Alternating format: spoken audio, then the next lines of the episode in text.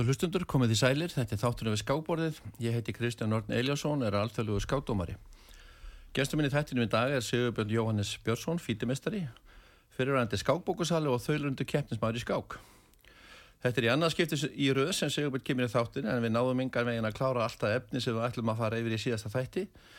Það er að segja skáktímanbili frá 1985 og til dagsins í dag og svo sem þróunin í skákinni með tilgómið 12 og smarsima og svo margt fleira. Sæl Sigurbjörn og velkomin aftur við skákborði. Já, sæl Kristján og takk hjálpa fyrir, bjóðum mér aftur. Já. Gaman að vera komin aftur. Það heggi. Jú, jú. Við þarna, við ættum kannski, við vorum aðeins að fórum inn á Íslandsmóti í, sko, við vorum hérna miðugutæðin fyrir viku. Já. Það var þá næssiðast á umferðin að hefjast og henni laug, sérst, því laug á fymtudegi. Já. Og við ættum kannski að byrja á Íslandsmótinu sem laug sérst á fymtudagin. En það er, þar eruðu þrýr efstur og jafnir eftir 11 umferðir og þurfti að heia envi Já. til að skera um hverju þær eru krýndur í Íslamestari.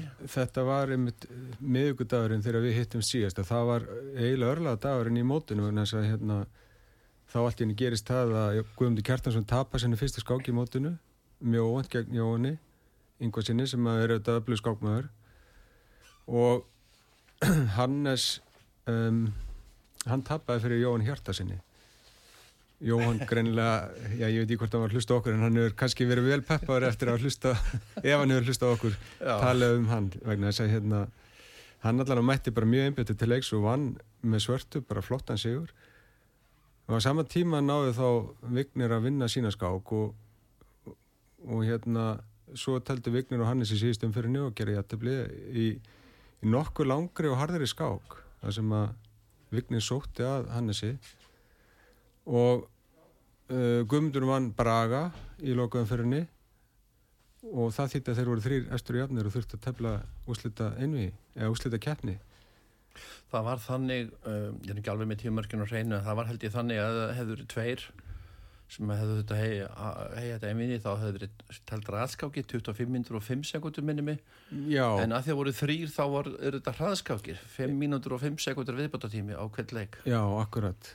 Það er eiginlega til þess að geta ná að klára þetta innan bara dagsins að þá var brúð og þetta ráð. Ég er svo sem veit ekki nákvæmlega uh, hvernig þessar ákvarðinir um tímarkin eru teknar en þetta var nefnstaðan og, og þetta var auðvitað mjög svift, sviftingasamt einvi, eða sem staukakefni það sem að Hannes misti af bara vinningi einu leikleiku við gegn vigni sem að hefði í fyrirskákinni þeirra sem að hefði geta breytt gangi keppninar en svo skák enda í jættibli þar sem að vignir þurfti að hafa mjög mikið til að fyrir því að hafa náðu jættiblinu en hérna svo uh, vann vignir þetta bara nokkuð öruglega eftir það?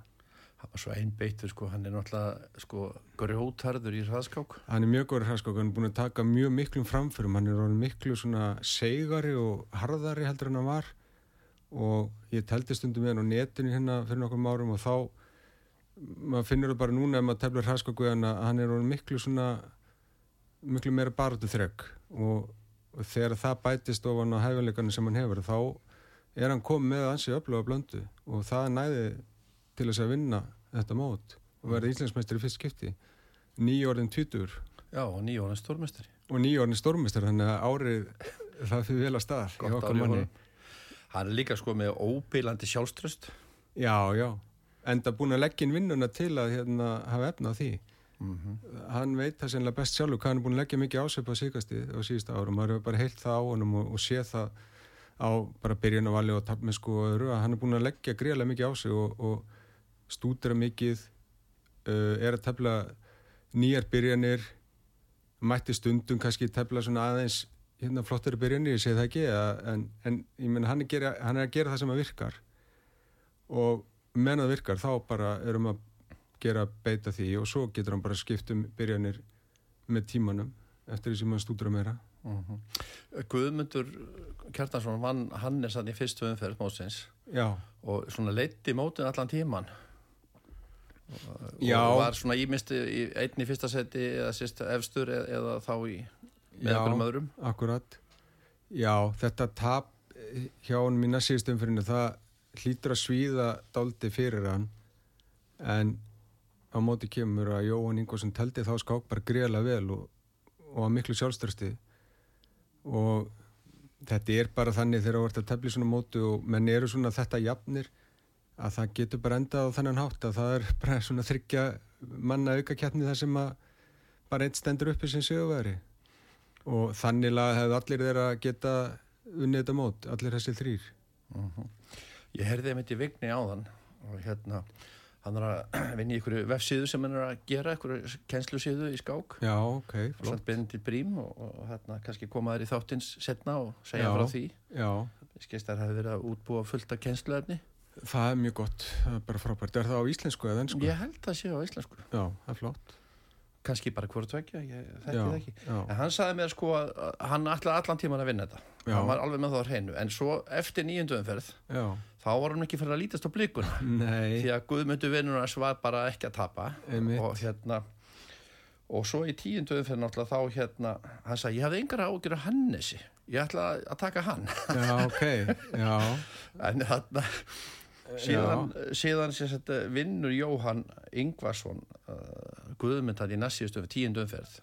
Jóhann er sko hérna, stegalast í keppandin en teltur svo segja mjög góða skák Já, teltur mjög flotta skák mjög flotta skák já, og þannig að þá var allt komið í, í loft upp og, og, og því fóð sem fór þeir eru þrýr hérna á þetta emi Algjörlega. Og hérna Vigni naut þess að þetta bara vera hérna í góðu formi og, og svona með kraftin til þess að klára aukakefnina það er oft það sem að þarf þegar, eins og segja, þegar svona þrýr jafnir mennir að tefla og sá sem hefur kannski mesta skriðþungan og kraftin í lokina, hann bara getur unnið.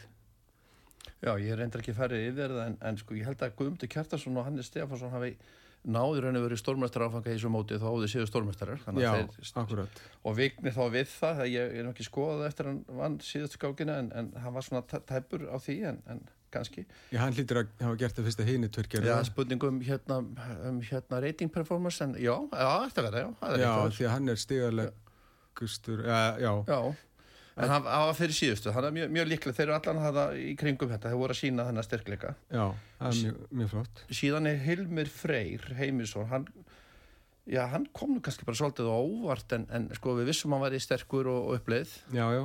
En hann er hérna bara, sko, þeir fengu allir 8,5 en Hilmir kemur hérna með 8-vinninga. Þessi fjóri svona voru í svona svolítið um sérflokki. Já, frábæra orgur hjá Hilmi og, og hérna það er svona lítur út fyrir það hans er fyrir að beisla hæfileikana. Hann hefur verið daldi viltur í gernum tíðina og kannski uh, stundu þurft að tapa svona af óþ, óþörfi eða verið að tapa óþörfi sko sem að getur kosta svolítið mikið þegar þú ert í lönguströngum móti. En ef hann nær svona aðeins að hérna að temja sig og, og hérna stilla sig af hafa svona meira öryggi í tarmiskunni að þá er honum allir vegir færir held ég Hvernig sér þú framtíðina sko til dæmis hjá íslensku landslið? Við erum hérna með allan að tvo-þrjá unga já, og náttúrulega fleiri en þessi þrý sem voru hérna sem í, í mótunu, það er að segja Vignir og, og Hilmir og svo Alexander. Já, já. Uh, hvernig framtíð þeirra og kannski framtíð Vignis, hann er náttúrulega, við höfum svo rætt það áður, hann verðist vera ákveði mikillir ferð? Já, ég held að framtíð þeirra sé bara björnt og það hjálpar þeim alveg öruglega að þeir eru þannig að þrýr saman sko svona þetta góðir sko. Og svo eru náttúrulega nokkur í kring eins og, og myndist á bendit Brím á þann og, og fleiri sem eru líka uh, bara orðnir mjög góðir. Og það hjálpar rosalega þegar kemur svona, þeir eru ekki einhvern veginn einna að berjast í gegnum þetta. Þeir eru orðnir með einhverja með þér getur farið út, þeir geta farið saman út á mót og hafa verið að gera það náttúrulega. Og hérna, og hvart konar annan áfram og, og stúdra saman og þetta, ég held að þarna getur við mögulega verið að horfa á framtíðanlæslismenn og þá bara í náinni framtíð. Já. þannig að endurníðinin sem að hérna, við þurfum að, á að halda og, og höfum daldi verið að býða eftir, hún er kannski að koma þarna. Að við séum að fá fleiri sem að banka dyrnar í landsliðið. Já Hvernig særu þá fyrir þetta náttúrulega Hannes og, og, og, og Guðmund hérna áfram? Já og vonandi Hjörvar og hérna og þá eru laust plássið við bót sem að vignir og, og ég veit ekki einhver fymti maður getur Svona yngri kynslu já, já, brúar. Já, já, þetta er svona undir auðvitað skáksamdunu og, og landsleis einvaldi komið. Hvernig, hvernig liði verður en hérna allavegna, við erum komið fleiri menn sem eru bankundirnar og það eitt og sér er bara mjög jákvæmt mhm. -huh.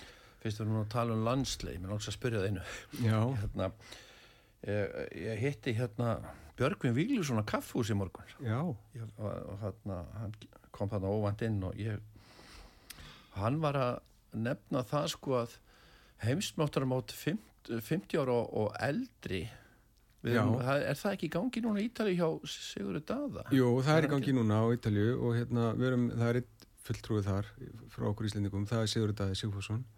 Hann er með þrjá að fimm eftir, eftir fimmum fyrir sér sett og, og hérna búin að standa sér bara ágætlega og það er mjög ánald að sjá að hérna þannig er Íslandingu komin í þetta mót og á næstu árum munum bara fjölga. Sjálfur á ég nú stutti í og mun alveg örglega að fara í einhvers svona mót og eh, Helgi Ás var nú hérna í hjáðurinn daginn hann talaði um hann ætlaði að taka þátt í svona mótum mhm. -huh. og ég held að ég er ekki frá að Björn Þorfesson hafi líka minnst á það þannig ég held að uh, framtíðin sé mjög björn þarna Já. í þessum flokkum Hann nefnilega Björgur myndist á það sko, hann var að tala um sko eins og Jóhann uh, sko Hjartarsson. Helga Ólafsson já. svo Hannes Hlívar og hérna sko hans, hann held að eh, halda því fram að við hefum góða möguleika að vera heimsmeistarar í, í félagsliða sko. Nei, segi hérna lands, landsliða, landsliða. E, mitt, já, já, ég minna algjörlega. Sko við bara þannig eru menn sem eru flestir sko nokkuð sterkir og búin að halda sínu styrkleika nokkuð vel. Og hérna ég tel að við hefum bara flotta möguleika á þessu bæði einstaklings og í sveitakjöndunum á þessu hérna aldur stíi 50 ára eldri og svo líka 65 ára eldri mm -hmm. þannig að ég held að hérna, þetta verður mjög gaman að, að hérna, ég bæði fylgjast með og líka bara taka þátt í þessu mótum í framtíðinni já, já. ég hlakka mikið til Það var nú gaman að sjá, sjá að sko, fjórmjöngunar koma aftur og, og hérna og, Já, já, þeir voru nú hann að, hvað var ekki fyrra eða hittu fyrra sem þeir voru saman á sem trösti. Og hérna en þá var reyndar eh, ef ég maður rétt ennslið sem að vann þetta var mjög vel skipað.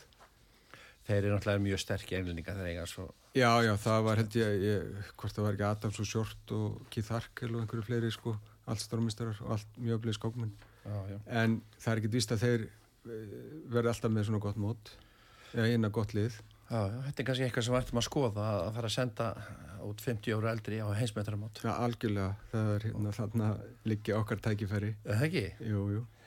Eh, Við fórum yfir margt efni í síðasta þætti en ég kannski benda fólki á það að, að hlustundum á það að það er að nálgast þættina, alla þættina á ótöpisögu heimasíðunni. Það er rauður borði á heimasíðunni og fyrir miðju er sagt, uh, fyrir miðju á miðjum borðunum er sem sagt uh, nappur festi þættir í dagskrá og þar eru allir þættin og þar er með að ská þættinir og þannig að það er þetta nálgast að það og einnig á Spotify. Þannig að, að því að þetta er nú annað þáttur en okkar söguböldna þeir sem vilja hlusta á ferið þáttin og, og alla heina nýtja, þetta er 20. þátturinn. Já, ok, já. Við semst rættum, við fórum yfir hérna mótið í Partu Bínse og, og, og Ólumokk og við sagðum þú sagðir skemmtilega að sögja á Sergi Kasparov og Stefáni Kristjánsinni Já, já og við fórum svona yfir þetta já, já. Uh, uh, Skákþing Reykjavíkur við, ég, þarna, við fórum aðeins inn á það já. en sko ég veit að þú ert svo hóvar en, en þarna þú nú þú nú ná ágætist árangur þar Jú, jú, stundum hef ég náð því sko en hérna Þú varst ekkert um að með fullt ús eða ekki? Jú, það gerist þannig einu stund 2020 þannig að COVID árið mikla þá hérna náði ég því nú en, en já Uh, það var bara mjög gott mót hjá mér og, og hérna uh, já, ég get bara verið mjög stoltur af því. Já, já, og vans bara alla. Já. Já, já, þú vilt ekki ræða það meira. Nei, nei, skulum nota tíminni að tala um eitthvað hérna. Eitthvað annað. Já, já, eitthvað, eitthvað skemmtilegt sko. En segðu mig þá kannski frá uh, varst ekki leiðstjóri þegar þú fórst eitthvað fórst til Serbíu, Belgarad já. Ólupíum út hvað, 16 ára 16 ára yngri, já, við myndust aðeins á þetta hann í síðasta þætti að við, ég fór þannig að ég hún sjálfur bara ungur þá bara hérna uh, 21 orðin sko á 20. ára aldur ári og fór þannig sem list eru með 16 ára sveitinni og þetta voru hérna á fyrsta borðu var Bræi Þorfinnsson og öðru borðu var Bergstein Einarsson þriða borðu var Dæði Kjartansson og fjóru borðu Stefan Kristjánsson og varamar var Mattias Kormáksson sem var svo sem teldi ekkert rosalega mikið eftir þetta mót en allavega þá hérna uh, er náttúrulega forsan svo að Ísland náttúrulega vann þetta mót á Kanriægjum 95 og það var svona svipað svipað lið eins og var þetta ár þannig 97 nema þá var Jón Vittur á fyrsta borði og, og, hérna, og Björn Þorfinn sem var þannig líka í því liði. Og þá var þetta gríðlegt afreg og, og Bjössi og Bræði tölunni um þetta í sínu þætti hinn um daginn. Uh -huh. Uh, svo var þetta móthaldi í Svartfjallalandi árið setna 96 og Haraldur Baldursson var hérna leistjóri í þessi bæðskiptin og svo var þetta móthaldi í Belgrad 97 og það var það var mjög skröldlegt, það verður að segjast eins og þér að hérna við fórum hann út og, og stóðum í þeirri meining og við ættum að tepla sko nýju dagi röð nýju umferðir. En þegar við komum út þá var mótstjórin tilkynnti mótstjórin sem heitir Dimitri Bielitsa og er svona þekkt fígura í skákheiminum, hann hefur sakar um alls konar reitstuld og, og fleira hérna sem er ekki gott, hann er svona uh, hvað segum að konmenn svona Já, konartist Svikarappu bara. Já, eiginlega sko, það er eiginlegt að tala í svona með reysi Hann allan var ekkert um búin að breyta þessu þannig sko að, að hérna Karpov sjálfur sem var vendar þessi mót, mót hann kom og og opnaði mótið. En svo sagði sko Bílits að hérna, mótið er því fyrir telt á fjórum dögum og svo tækið við The Karpov Cup sem að enginn hafi hirt um áður og þá þurftu hérna keppindur að greiða uppehald og, og hérna mótskjald til að fá að taka þátt í því. Og þá náttúrulega hóst mikil mótmælalda hjá öllum. Við vorum hann að nokk, eða við vorum reynda bara tvöli frá Vestur-Európa sem var svolítið skrítið því að það hefði verið miklu fleiri lið frá Vestur-Európa á, á eh, mótunum undan, þá bara við og hollendikar og svo var þannig mót, eða sem slið frá Ungarlandi og Rúmeni og, og Rúslandi og, og fleiri landum og við fórum að eh, funda um þetta og akkurat sko akkurat þegar við erum að funda niðri í lobbyinu, þá kemur Bræði Þorfins og niður og kallar í mig. Og þá er hérna morgumblaðar að ringi mig þegar ég er búin að lofa að skrifa frettir eða senda þeim, faxa einhverja frettir á mótinu. Uh -huh. hann var að ringi mig til að skamma mig fyrir að vera ekki búin að senda neitt. Og ég segi bara, heyrðu, það er hérna neðar hundur hjá okkur að mótsaldaranir eru hérna að breyta öllu og McDonalds hérna einhvern veginn misti þáttu mér að McDonalds var í stuðnisælu um mótið. Og Bladamár, náttúrulega eins og Sannur Bladamár fór inn og það sko, hvað, McDonalds að svindla okkur líka? Og hérna, þetta fór allt sem að nýja okkur algjörðu vittlis við þetta viðtal en ég náðu að láta hann skilja það að við værum bara mótið væri upplist og, og hérna það væri stíf fundarhald um þetta og svo náðu við nú að leysa málu með bílitsakallinum að, hérna uh, það var samtidig bara klára móti á, á þessum fjórum dögum, sjöum fyrir, tværum fyrir á dag og hérna svo myndi bara við fá vera hótelnu þangu til að flýja okkar væri sem var þannig einhvern tíma 30. ágústi eða eitthvað að því að við náttúrulega gátum ekkert sko verið að breyta flugmenn það kostiði náttúrulega formú á þessum tíma og, og gerir það sjálfsagt enn í dag. Þannig að þegar við lósins klárum þetta mót þá nú endur rússar held ég sem sigurverðar og þeir voru nú með nokkru mjög öfluga menni svo til dæs Jakko Venko held ég að vera á fjóruðbarið þeim, mjög ungur þá. Það er skákmann sem við farið 27 og, og hérna okkar lið stósi bara býstna vel með aðstæður það var svona smá reynslelisi hjá eins og Stefán Kristjánsin, hann var náttúrulega mjög ungur þarna og, og var svona að fara á sitt örgulega fyrsta svona alvöru mót en Bræði Þorfilsson átti frábært mót og, og teldi eina stórglæsilega skák í slafanum þess að hann með kvitt og, og gaf drottningu fyrir eitthvað lið og klossmátaði anstæðingin og Bergstein Einarsson átti líka stórglæsilegt mót ég held að hann verið með 5,5 og 7 einmarétt sem var rosalega gott skor. Og hérna í, í þessu, hann var á öðru borði sko En já, til þess að eigða þessum dögum þarna sem eftir voru, þá voru við nú bara mest í hérna bara á röldinu miðbæði Belgrad og tóku nú einhverja fótballtaleiki við hollandska liðið. Það sem að liðstyru var Manuel Bosbúm sem er skákmannum á góðu kunnur, alþjóðlega mistur frá Hollandi, sem að hérna kom svo í framaldun og teldi með skákulega hafnumferðar í Íslandsbótt skákulega nokkru sinnum og ég átti í góðu vinskapið hann í þessi, þessi nokkur ár sko og hann hann er nú hérna hann er nú það góður sko í hraðskók að hann náði að vinna Gary Kasparov í vikan C í hraðskók e, það var heldur 2001 bara á þessum sama tíma sem þannig var alltaf að koma til Íslands. Þannig að hérna og svo vann hann eins og mitt hraðskók mot Íslands sem var haldið á Akureyri uh, sem sett á sunnendum eftir Íslandsmátt skákvila og en þá var Sæfa Bjarnason Íslandsmeistari í hraðskák af því að náttúrulega hollendíkur gæti ekki orðið Íslandsmeistari mhm. -huh.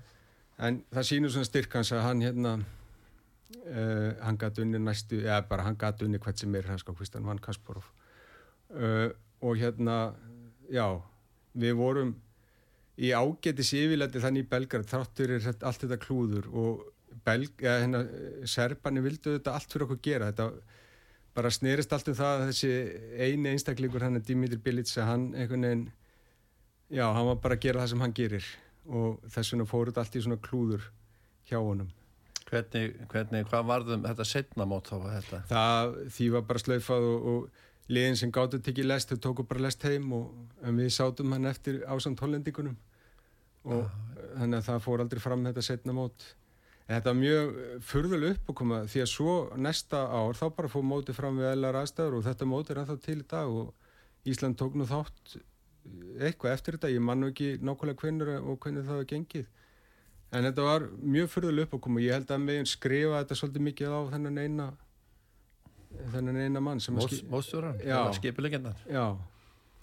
Um, Segðu mér eitt þið uh, gistuð á frægu hóteli ekki? Jú, við gistum á Hotel Jugoslavia sem er og var allan á þessum tíma flottasta hóteli í Belgrad. Og þar fór mótið fram líka. Og þetta var nú bara mjög sögufrætt hótel og það sem alls konar hérna, frægar kempur hefðu gist eins og Elisabeth Önnur og Tina Turner og, og, og einhverju bandaríkjafósettar og, og einhverju fleiri frægir. En svo, var, svo gerðist það nú sko þegar að hérna, uh, stríðið í Kosovo brust út að þá náttúrulega gerðist sá sorglega atbyrður að NATO fór að ja, grípa inn í það stríð og, og fór að gera loftar á sér og, og þá var nú hluti að hótelin sprengtur í loft upp. Og þá vildu NATO, eða semst hersöfingir í NATO meina að, að það væri verið að nota hóteli sem einhverju vopna gemslu þannig að hann svona frekar leiðilegt að þetta var nú bara einu ári eftir við vorum hann, það var nú leiðilegt að lesa um þetta í mokkanum sko þetta stuttu síðar. En hérna Uh, já, svo var nú hótel endurbyggt að einhverju leiti og, og, og er enþá í, starfs, í starfsemi í dag. Já, komið í samt horf? Já, svona einhverju leiti allána. Ég held að senda hérna Karl Brettaprins, eða Karl konungur sín og ekki fara að gista hérna á næstunni. Nei, ég móður að skera það. Já. Um, þú varst líka minnast á hérna áhrif skákar á dægur menningu í Íslandi.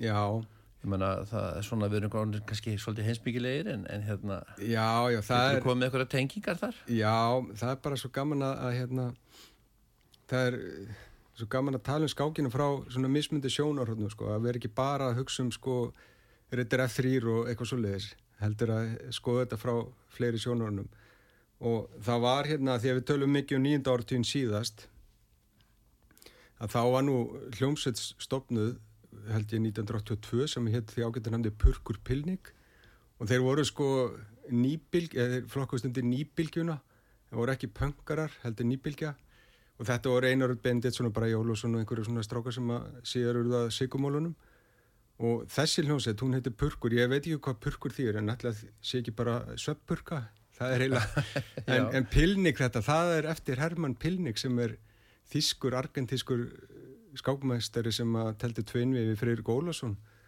55 og 57 og hérna þeir sem sagt skýrðu hljónstinni í höfu á honum. Svo er önnu svona íslensk hljónsett sem að hétt Possibilities.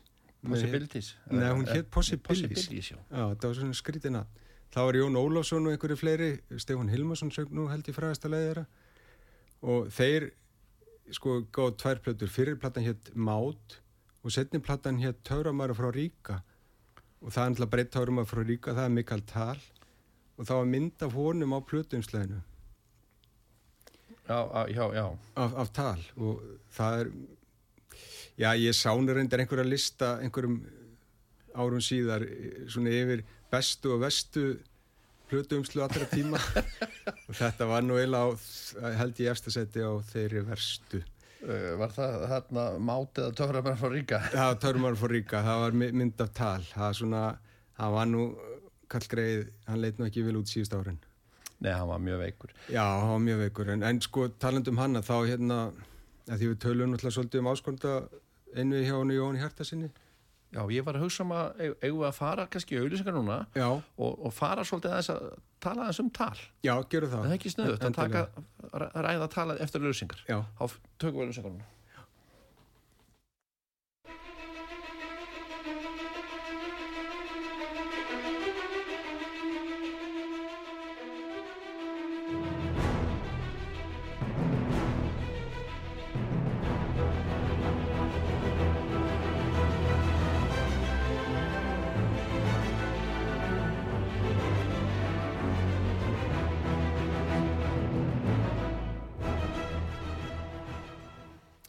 Jæja, Sigurbjörn, þá erum við komin aftur. Já. Þetta er þátturinn við skáborði, ég heiti Kristján Örn Eliásson og hjá mér er Sigurbjörn Björnsson, fítimestari.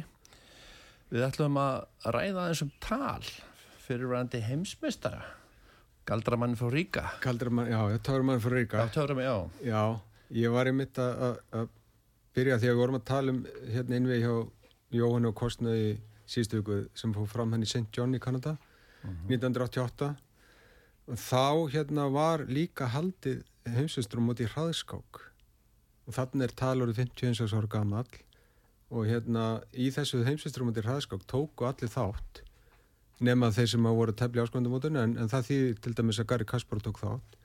Og tal stóð uppi sem sigurveri það er nú alveg magnað afreg fyrir þetta gamla mann vegna þess að einingis fjórum árun síðar þá var hann látinkallin og, og hann dóa einingis 55 ára gammal og þá var líka minn orðin algjörlega óstarfhæfur. Hann hafði með, verið með nýrnabilun bara næst í allt sitt líf og hann fóð nú ekkert sérstaklega vel með sig. Og, en hann var svona hann var, var svona hinn sanni skákmaður, hann hugsaði og talaði og lifði skák allt sitt líf. Hann eitti mörgum nóttum hvar sem hann var stettur í heiminum bara við það að tefla hraðskákangstar og hann naut sín aldrei betur heldur en við skákborðið og alveg ótrúlega litriku karakter. Hann auðvitað náði að verða heimsasteri klassískri skák komst upp úr hérna áskortamóti sem var haldið í Júkoslæfju þar sem að Freyrik Ólásson okkar tók nú þátt. Voru, það var semst átta besti skákmenn í heimi sem voru þá samankomnir fyrir utan, utan heimsasturinn sjálfan, Bátuník og hérna tal náða komist í gegnum það mót. Þeir teldu fjórfald af umferð þannig þeir teldu 28 skákir og Tal fekk 20 vinninga í, í þessum 28 skákum. Og hérna vann meðal annars Freyrik og Fischer þrýr og hálfur hálfur í, í samalöðu en tapaði samalöðu gegn Keres en Keres gæti ekki unni sko neðri helmingin á mótunu jafn ágjörandi eins og, eins og talnaði að gera. Og hérna já það má margt segja um talkallin hann, ég held að hann hafi nú verið í dag þá myndi hann alveg örgla fá hérna ADHD greiningu. Var svona mikill sveimhauði og, og náttúrulega ítrekka var hann að týna vegabrjöfunu sínu og gleima vegabrjöfunu sínu og, og svo hérna Það er nú þekktar íslendingar sem hafa gert það. Jú, jú, algjörlega sko. Og hérna, já, hann lefiði bara fyrir skák og, og náði þessu myndi ég segja afreiki 56 ára gammal að vera heimsistur í hraðskák Já, hann var heimsmeistar semst í klassisk á 1960 til 1961 Já. Sovjetríkin Já. Hvað, lett, hann fór Lettlandi. Já, frá Ríka Já. Og bjó ég, þar. Já, ég hérna Já, Brægi Haldursson, menturskólakennar hann var hérna í þættinu fyrir hálfa mánuði síðan. Já. Og hann uh, þýtti margar af bó, bókunum hans Jóhann Þóri sem að Jóhann Þóri gaf út. Já, akkurat. Tímarætti skák. Akkurat. Það er með þessa bók. Já sem heitir Hvernig var ég heimsmættar eftir Mikael Tal einvið við Bótuník og hann saði mér að þetta væri mjög góð bók. Já, hún er, hún er mjög góð. Og, og bara á alveg erindi ennþá þetta Tal var þannig skákmaður sko að hann hann reyndi alveg á þolrefin hjá anstegunum og Bótuník virtist ekkit alveg að vita við hvernig hann var að fara að tefla þegar heimsvæstaræn við byrjaði þannig að tal komst upp, eða gatt komin bara í opna skjöldu í skákati skák og mann innvið bara miklu öryggi. Ég held að, ég mann ekki í lokatölu en ég held að hafa munið einum fjórum vinningum á þeim. Mhm. en Bótunik var einhvern veginn búin að koma reglunum þannig fyrir að hann ætti alltaf rétt á endur komu innví og hann fekk það bara strax uh, í kjölfarið. Og uh, það var nú þannig að tal var nú orðin hálf lasin með nýrnabilun á þessum tíma þó hann væri ekki nema 23 ára gamall. Og já, rétt að geta þess að hann var yngsti heimsmeistri sögunar þegar þetta var og það var einugis Kasparov sem að slóð það þegar hann var heimsmeistri 22 ára gammal en allavega þá ráðlöðu nú læknir tala að tefla ekki þetta innvið við Bótunik en Bótunik gaf nú sagt sko að ef einhverjur læknar á hans vegum myndi úrskurða tal óleikafan að þá myndi að fallast á að fresta innviðinu en tal var ekkert að hlusta á ráð einhverja manna, heldur bara að telda inn við. En því miður þá tapaði hann því. Það hefði sennilega verið gott fyrir skákina ef að Bótunik hafði ekki unni því að hann eh, náttúrulega hafði leikið sama leik gegn Smyslov tapað tillinum og, og Smyslov var þeimsistur í eitt ár. En svo teldi Bótunik sára lítið á millis er ennmi og, og hérna ég hugsa hann hafi ekkert haft óbærslega mikið áhuga á að að tefla, hann var ekkert svona ef maður sér eins og við tölum mikið um kostnöðu sérst að þetta, kostnöðu svona alveg gegn heil keppnismæður bara svona svipa eins og Helgi Ást þegar hann kom inn til þenn daginn, Já. hann bara lifi fyrir að keppa, en ég held að bótunni hafi ekki verið þannig, ég held að hann hafi verið meiri svona bara fræðamaður og, og svo var hann þjálfari og hann var þjálfari Kasparovs og Ólaf sér marga mjög öflöða skákmenn og hann var náttúrulega bara alltaf fulltrúi kerfi sem var bara fulltrúi Sovjetríkjana en það var tal ekki tal var bara, Viltur. já, hann var bara, hann var bara tal og Það stendur hérna á bókina Spraga, eða sérst bókina sem að þýtti, hvernig ég var heimsmyndir eftir tal. Þá segir hann hérna skákunundur uh, fýsti þess vegna til þess að fá svar við því í einvíðinu hvort mætti sér meira raunsa í Bótunix eða hugmyndaflug tals. Bótunik var síðasta víi rökkvíkjanar í skák, eins og vort að segja. já, já, Tækist honum að verja það víi eða er þið hann að lúta í læra haldi fyrir hugmyndu öðgju og baráttu vilja tals. Víið fjall og tal var orðin yngsti heimsmyndari sögun aðeins 23 ára aldri. já akkurat Svo hérna talar hann um liftandi sóknin tals sem hrifur flesta áhörundur hans á, á hans band. já, já, Vera, voru ofta tíðu meira í enda rómatíska skeiðsins á 19. öld og myndu á löngu hortna snillinga eins og Murphy og Andersen. já, já einmitt. Hann, það, það var, var mörg einkinn á skákstils eitt af þeim var til dæmis að hann var sérlega góður í því að tefla með rók á mútið tveimur léttumunum yfirleitt er það nú talið sko betra að vera sem bara með biskup rittara á móti rók en tal, hann var svo dýnamiskur og, og svo hraður og rókurinn fyrir svo hratt yfir að hann gerði það að bara hálfgerði listgrein að tefla með rók gegn tveimur léttumunum og hérna, já, það eru til að einni mjög góru skákbók er sérstaklega kapli til einhver þessum eiginleika tals sem að hérna, Mikael Marin skrifaði fyrir svona 10-15 ára síðan Já, já. Ég sá að mitt í þessari bók hérna, hvernig var ég heimsmeistari. Þá, sko, þú talar hann að það verið nýrnaveikur. Já, Hann var búin að vera lengi þannig og 1972 þá er tekið úr honum annan nýrað. já, Og og þú segir, þá var, sko, hann var ráðlætt að keppa, keppa ekki við bótuník. já, Hann gerði það samt. já, Og svo var hann svona upp og niður, hann var stundur náða sér og teldi þá alveg, teldi mjög vel og svo fjalla niður og, og veikur. já, og það var alltaf verið að spyrja hvernig hann hef, hefði það alltaf þegar hann mætti skákmátt var alltaf spurt hvernig hefur það, Já. hvernig líður já, hann var þannig leiður og, svo, og var eitthvað hva, ta, og spurði menn tilbaka sko, hvað haldið ég tefli með nýrunum. Já. nýrunum segi og hann, hann notaði svona þetta og þannig að já, já, já, já. Ég, við, við vorum nú svo heppin hérna í Íslandi. Að hann kom inga 88 og teldi heimsbyggamótin í borgarleikusinu og hérna stóð sér bara ef mann rétt nokkuð vel ég held að verið þeirri í því móti sem hann teldi mjög fræði skáka á móti Jóhanni Hjartasinni þar sem hann leik hérna einhverjum Hróku C5 leik sem var svona kennslubókar leikur við rataði marga bækur. Uh, Nú fyrir við hrætti við sögu, þú ert nú fyrir verðandi skákbókusali, já, já. við erum reyndar að vitna hann í gamla eldri bækur, tala um hvað, Mikael Mar, hvað heit hann? Mik Mikael Marin, já, Mikael rúm, Marin, rúmenski stórmestari, þú seldir fullt af bókum. Já, eftir hann. Hvaða, sko, hvað myndir að, hvaða bækur eru besta fyrir þá sem eru að fara að byrja að tefla og kannski hvað, hver eru svo það besta sem eru er fyrir þá sem eru lengra komnir? sko það er voru erfitt að nei, það er voru erfitt að segja sko að því að það er líka að vera að gefa út mjög mikið efni og uh, þess að netsíður eins og chess.com og, og chessable og, og hvað þetta heitir allt saman þetta er, það er óbúslega mikið af góðu kjenslega inn á þessum síðum og svo er nú bók sem að hérna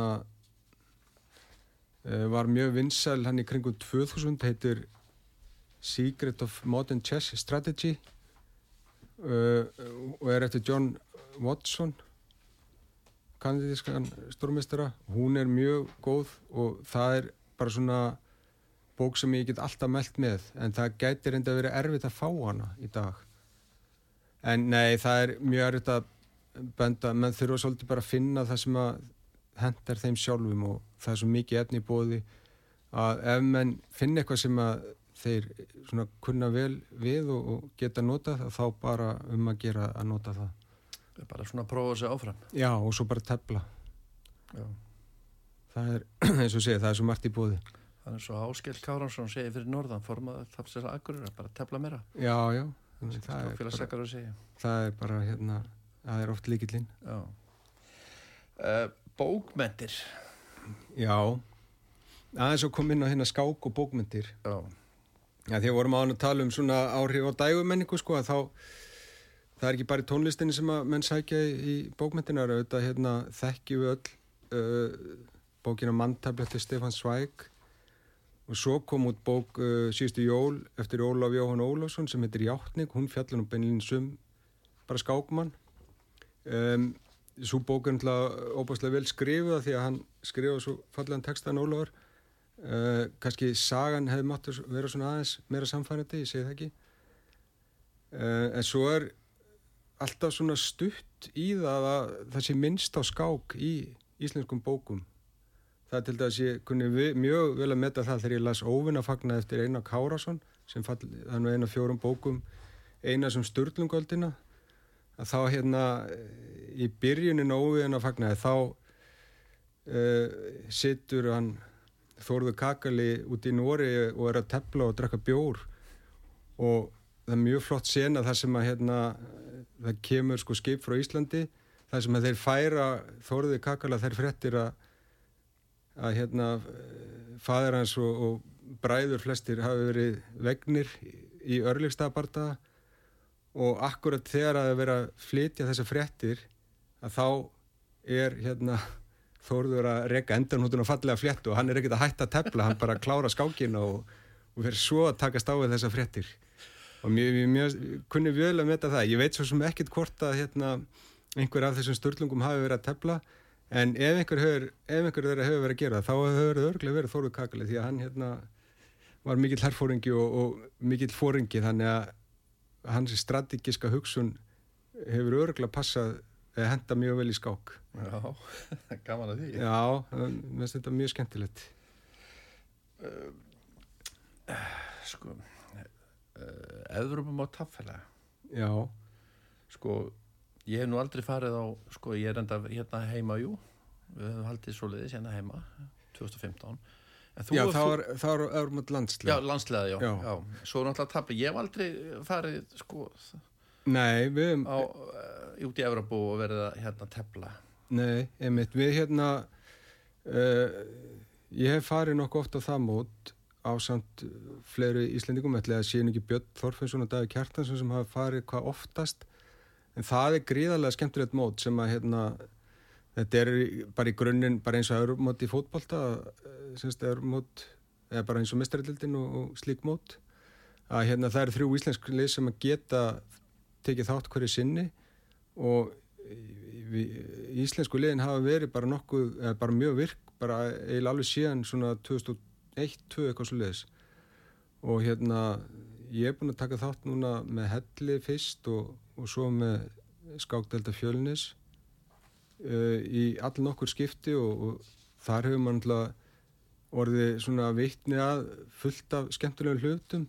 Til dæmis eitt mót sem að hérna uh, var á Krít árið 2003 þá emitt Helgi Ás talaði um það mót, þá teldi hann við Kalsen og ég var einmitt með Helga í liði, við vorum saman í helli á þessum tíma og þá svona sámar Karlsson í raunverðileg fyrsta skipti og hérna já, strákurinn var alltaf ótrúlega góður og, og vann Helga í flottri skák þó að Helgi hafi vissulega verið með góðastu í skákinu framan af. En það sem var líka merkild í þessum móti er að hérna uh, við sáum Gary Kasparov, hann teldi þar með einhverju liði held ég frá Rúslandi og teldi alveg svakalega vel alveg þangað til að hann tapaði bara einhverjum 16 leikjum held ég í loka umferðinni og leka alveg hróðal af sér og þá sá maður svona það sem maður hefur stundu séð bæð og myndböndum og annar staðar að hvernig Gary Kasparov þegar hann er niðurbrotin að það er hérna hann er ekkert að fela tilfinninga hann var ekkert að fela tilfinninga sínar hvorki þá nýja nú. Það eru grettur og það er allur pakkin já það var allur pakkin og leggst fram á borðið og, og hérna en það, já hann tapaði fyrir Alexi Húsmann Ísraelskun stórmestari sem að svona á já ef þeir myndu tefla 100 skák en við þá myndi Kasparov vinna það svona 75-25 og já í það minsta talandu um hérna sveibriðin því að uh, við sáum að það með sjá Nepo. Uh, uh, þegar þú leikur að þér í skák þú, þú gerði grein fyrir því að þú er búin að klúra allir og hérna heldur ykkur pókufeysi? Nei, ég held að ég sé ekki mjög góður því. Ég held að það sjáist mjög öðvöldlega hvort ég sé mjög góða stöðu eða vonda. Og já. Þannig að þú auglísið það bara að með geta Já, maður bara þetta er oft svo erfitt sko, maður er að hérna maður er að eh, reyna sitt besta svo allt í hennu kemur eitthvað svona maður leikur af sér að, að það getur bara verið ansærið að fela það. Þó ég reyni það vissulega og allir reyna það náttúrulega en, en það er bara meirinn að segja það. Þetta, er, þetta reynir á tilfinninganar Það er veit að halda þessu. Já, ég myndi segja það sko. En sumir eru þetta góður í þessu ég myndi að um, já, já, hann segir sé að nefna eitthvað sérstaklega nöfn sko þá, hérna, þá held ég að það séu margir sem eru bara bísna þjálfaðar í þessu. Og það er líka hægt að þjálfa svona hlut og það er að þjálfa í rauninni taugakerfið. Þannig að þú tekur tekst betur á við sko skákina sem ert að tefla og, og þann tilfinningar úsýrbana sem að er í því, ég man til þess að Jón Hjartarsson talaði einhvern veginn um það að, að Timman sem var nú einna besta skákvunum í heimi í, í mjög mörg ár að hann væri með einstaklega vel þjálfa taugakerfi. Og hérna let ekkert sko let ekkert enga bilba á sig finna þó að hérna, staðan væri flókin og, og erfið. Og þetta hefur endur óttur sagt um Jóhann líka að hann eh, hérna hann gefst aldrei upp og hann hættir ekkert hann, hann heldur alltaf áfram það eru enginni sem að hérna uh, já, það er bara mjög mikilvægt að halda þeim eiginleika og við tölum um þetta meðan vigni upphæði viðtælsins að Vignir er búin að bæta sér mjög mikið þarna. Já, heldur betur. Já. Það fyrir nú að líða á tíman okkar. Já. Ég hérna, uh, er eitthvað svona lókun sem að... Nei, það er auðvitað hellingu sem er alltaf gaman að tala um, sko, en hérna maður, neini, ég get bara geimt að þangu til einhvern tíðan síðan, sko. Segðum við þramt aðeins frá skákgagnangurinn. Hvernig nota maður slíkt eins og chess space? hvernig hérna þegar menn undirbúa sig þú veist hvað anstæðingu þú ætti að fá. Já. og hvernig nota menn þessa gagnagrun og hvernig uh, fara menn í rannsóknir að stúdera anstæðingi fyrir skák? Það skiptir auðvitað bara miklu máli að hérna að í rauninni skiptir bara mjög miklu máli að byrja því að undirbúa sig. Og, og maður getur farið, það eru ymsa leiðir í gagnagrunnum en það er alltaf best að bara taka grunninn ef maður til dæs að tefla með svörtu gegn einhverjum ákveðinu aðstæðing að skoða þá bara hvernig hann er verið að tefla með kvítu og maður þarf svolítið að skoða sko ef ég er til dæs að fara að tefla einhvern stórmestara þá uh, reynir ég að skoða sko hvernig hann er að tefla gegn mönnu sem er að svipa stegaháður og ég. Veist, ég er ekkert að fara ef ég er að fara að tefla einhvern sem stórmestar með 2600 stíg þá er hann ekkert að fara að tefla sögum byrjun eins og hann teflir gegn öðrum sem er með 2600 þannig ég er einn að finna eitthvað sem er 2300 og hvernig hann hefur telt gegn honum þetta getur verið mjög mikilvægt hérna að því að maður er alltaf að reyna að giska hvað anstæðingur teflir þannig að maður geti komið sem best undirbúin til leiks og með því að nota þess aðferð sko að hérna sirka þetta svona svolítið út á þennan hátt þá getur maður náð uh, mjög góðum undirbúning Þetta er góða punkt í þess Já Og fyrst við tölum við þetta og dætt mér höf með smarsimun og tölvunar af því að skákin hefur nú breyst svona síðust árin. Já, já. Menni eru bara sitjandi upp í sofa núna og, og já, sitjandi bara hvar sem er bókstaflega og teflandi skák. Já. Og það er mjög algengt að hérna bara, þú veist, ef maður er einhverstað á byðstofu, ef maður bara til dæmis þarf að fara á læknavaktin eða eitthvað, það sem eru 50 manns að býða, það er alltaf einhverju sem er að tefla þar tefla eða leysa skákfrutir og chess.com þetta er orðið svo aðgengilegt og þægilegt í símanum og, og þessum snjáltækjum að, að hérna menn bara slíta sér ekkert frá þessu. Uh mhm. -huh. en það getur verið mjög ávenn að binda þetta líka þannig að allt er gott í hófi eins og eins og það stendur. Já, eins og það stendur. Uh, Við ætlum að þú valdir lag. Þú, við vorum með lag í síðasta þetti já. Og nú ætlar að velja hvað aðra hljómsveit og náttúrulega annar lag? Já, já, ég, nú náttúrulega ég að velja hérna lagið að því að við erum búin að vera að tala svo mikið um nýjunda áratíðin og, og skákin er þetta svo nátengt sko Östublokkinni og, og Sövitryggjunum þannig ég ætla að velja lagið hérna Wind of Change með Scorpions. Þetta er lag sem að er mjög merkilegt vegna þess að það er skrifað sko 1989 þá er þannig að hljómsveitin í Moskvu á einhverju tólukum þar. Og þá, þetta er náttúrulega sem sagt í ágúst held ég, þá, þetta er áður en að múrin fellur og en þá finna þeir þessa breytingu sem er að verða. Og þannig að hann bara skrifa, hann lappaði hann niður með Moskváni og, og hérna niður á Gorki gardin og þar sem að tónlingarnir voru og mætti einhverjum hermönnum á leiðinu og vinga til þeirra og svona. Og hann fann þessa breytingu sem var í loftinu og, og skrifa þetta lag. Og þetta lag er nú held ég mjög oft svona nátengt falli Berlinumúsins og svona þeir sem eru forfundir meira um þetta lag að þá er nú til dæmis að hlusta á hlaðarpstætti það sem þeirri kenning var haldið fram að hérna, það sem að var að vera að svara þeirri spurningu hvort að CIA hafi samið þetta lag.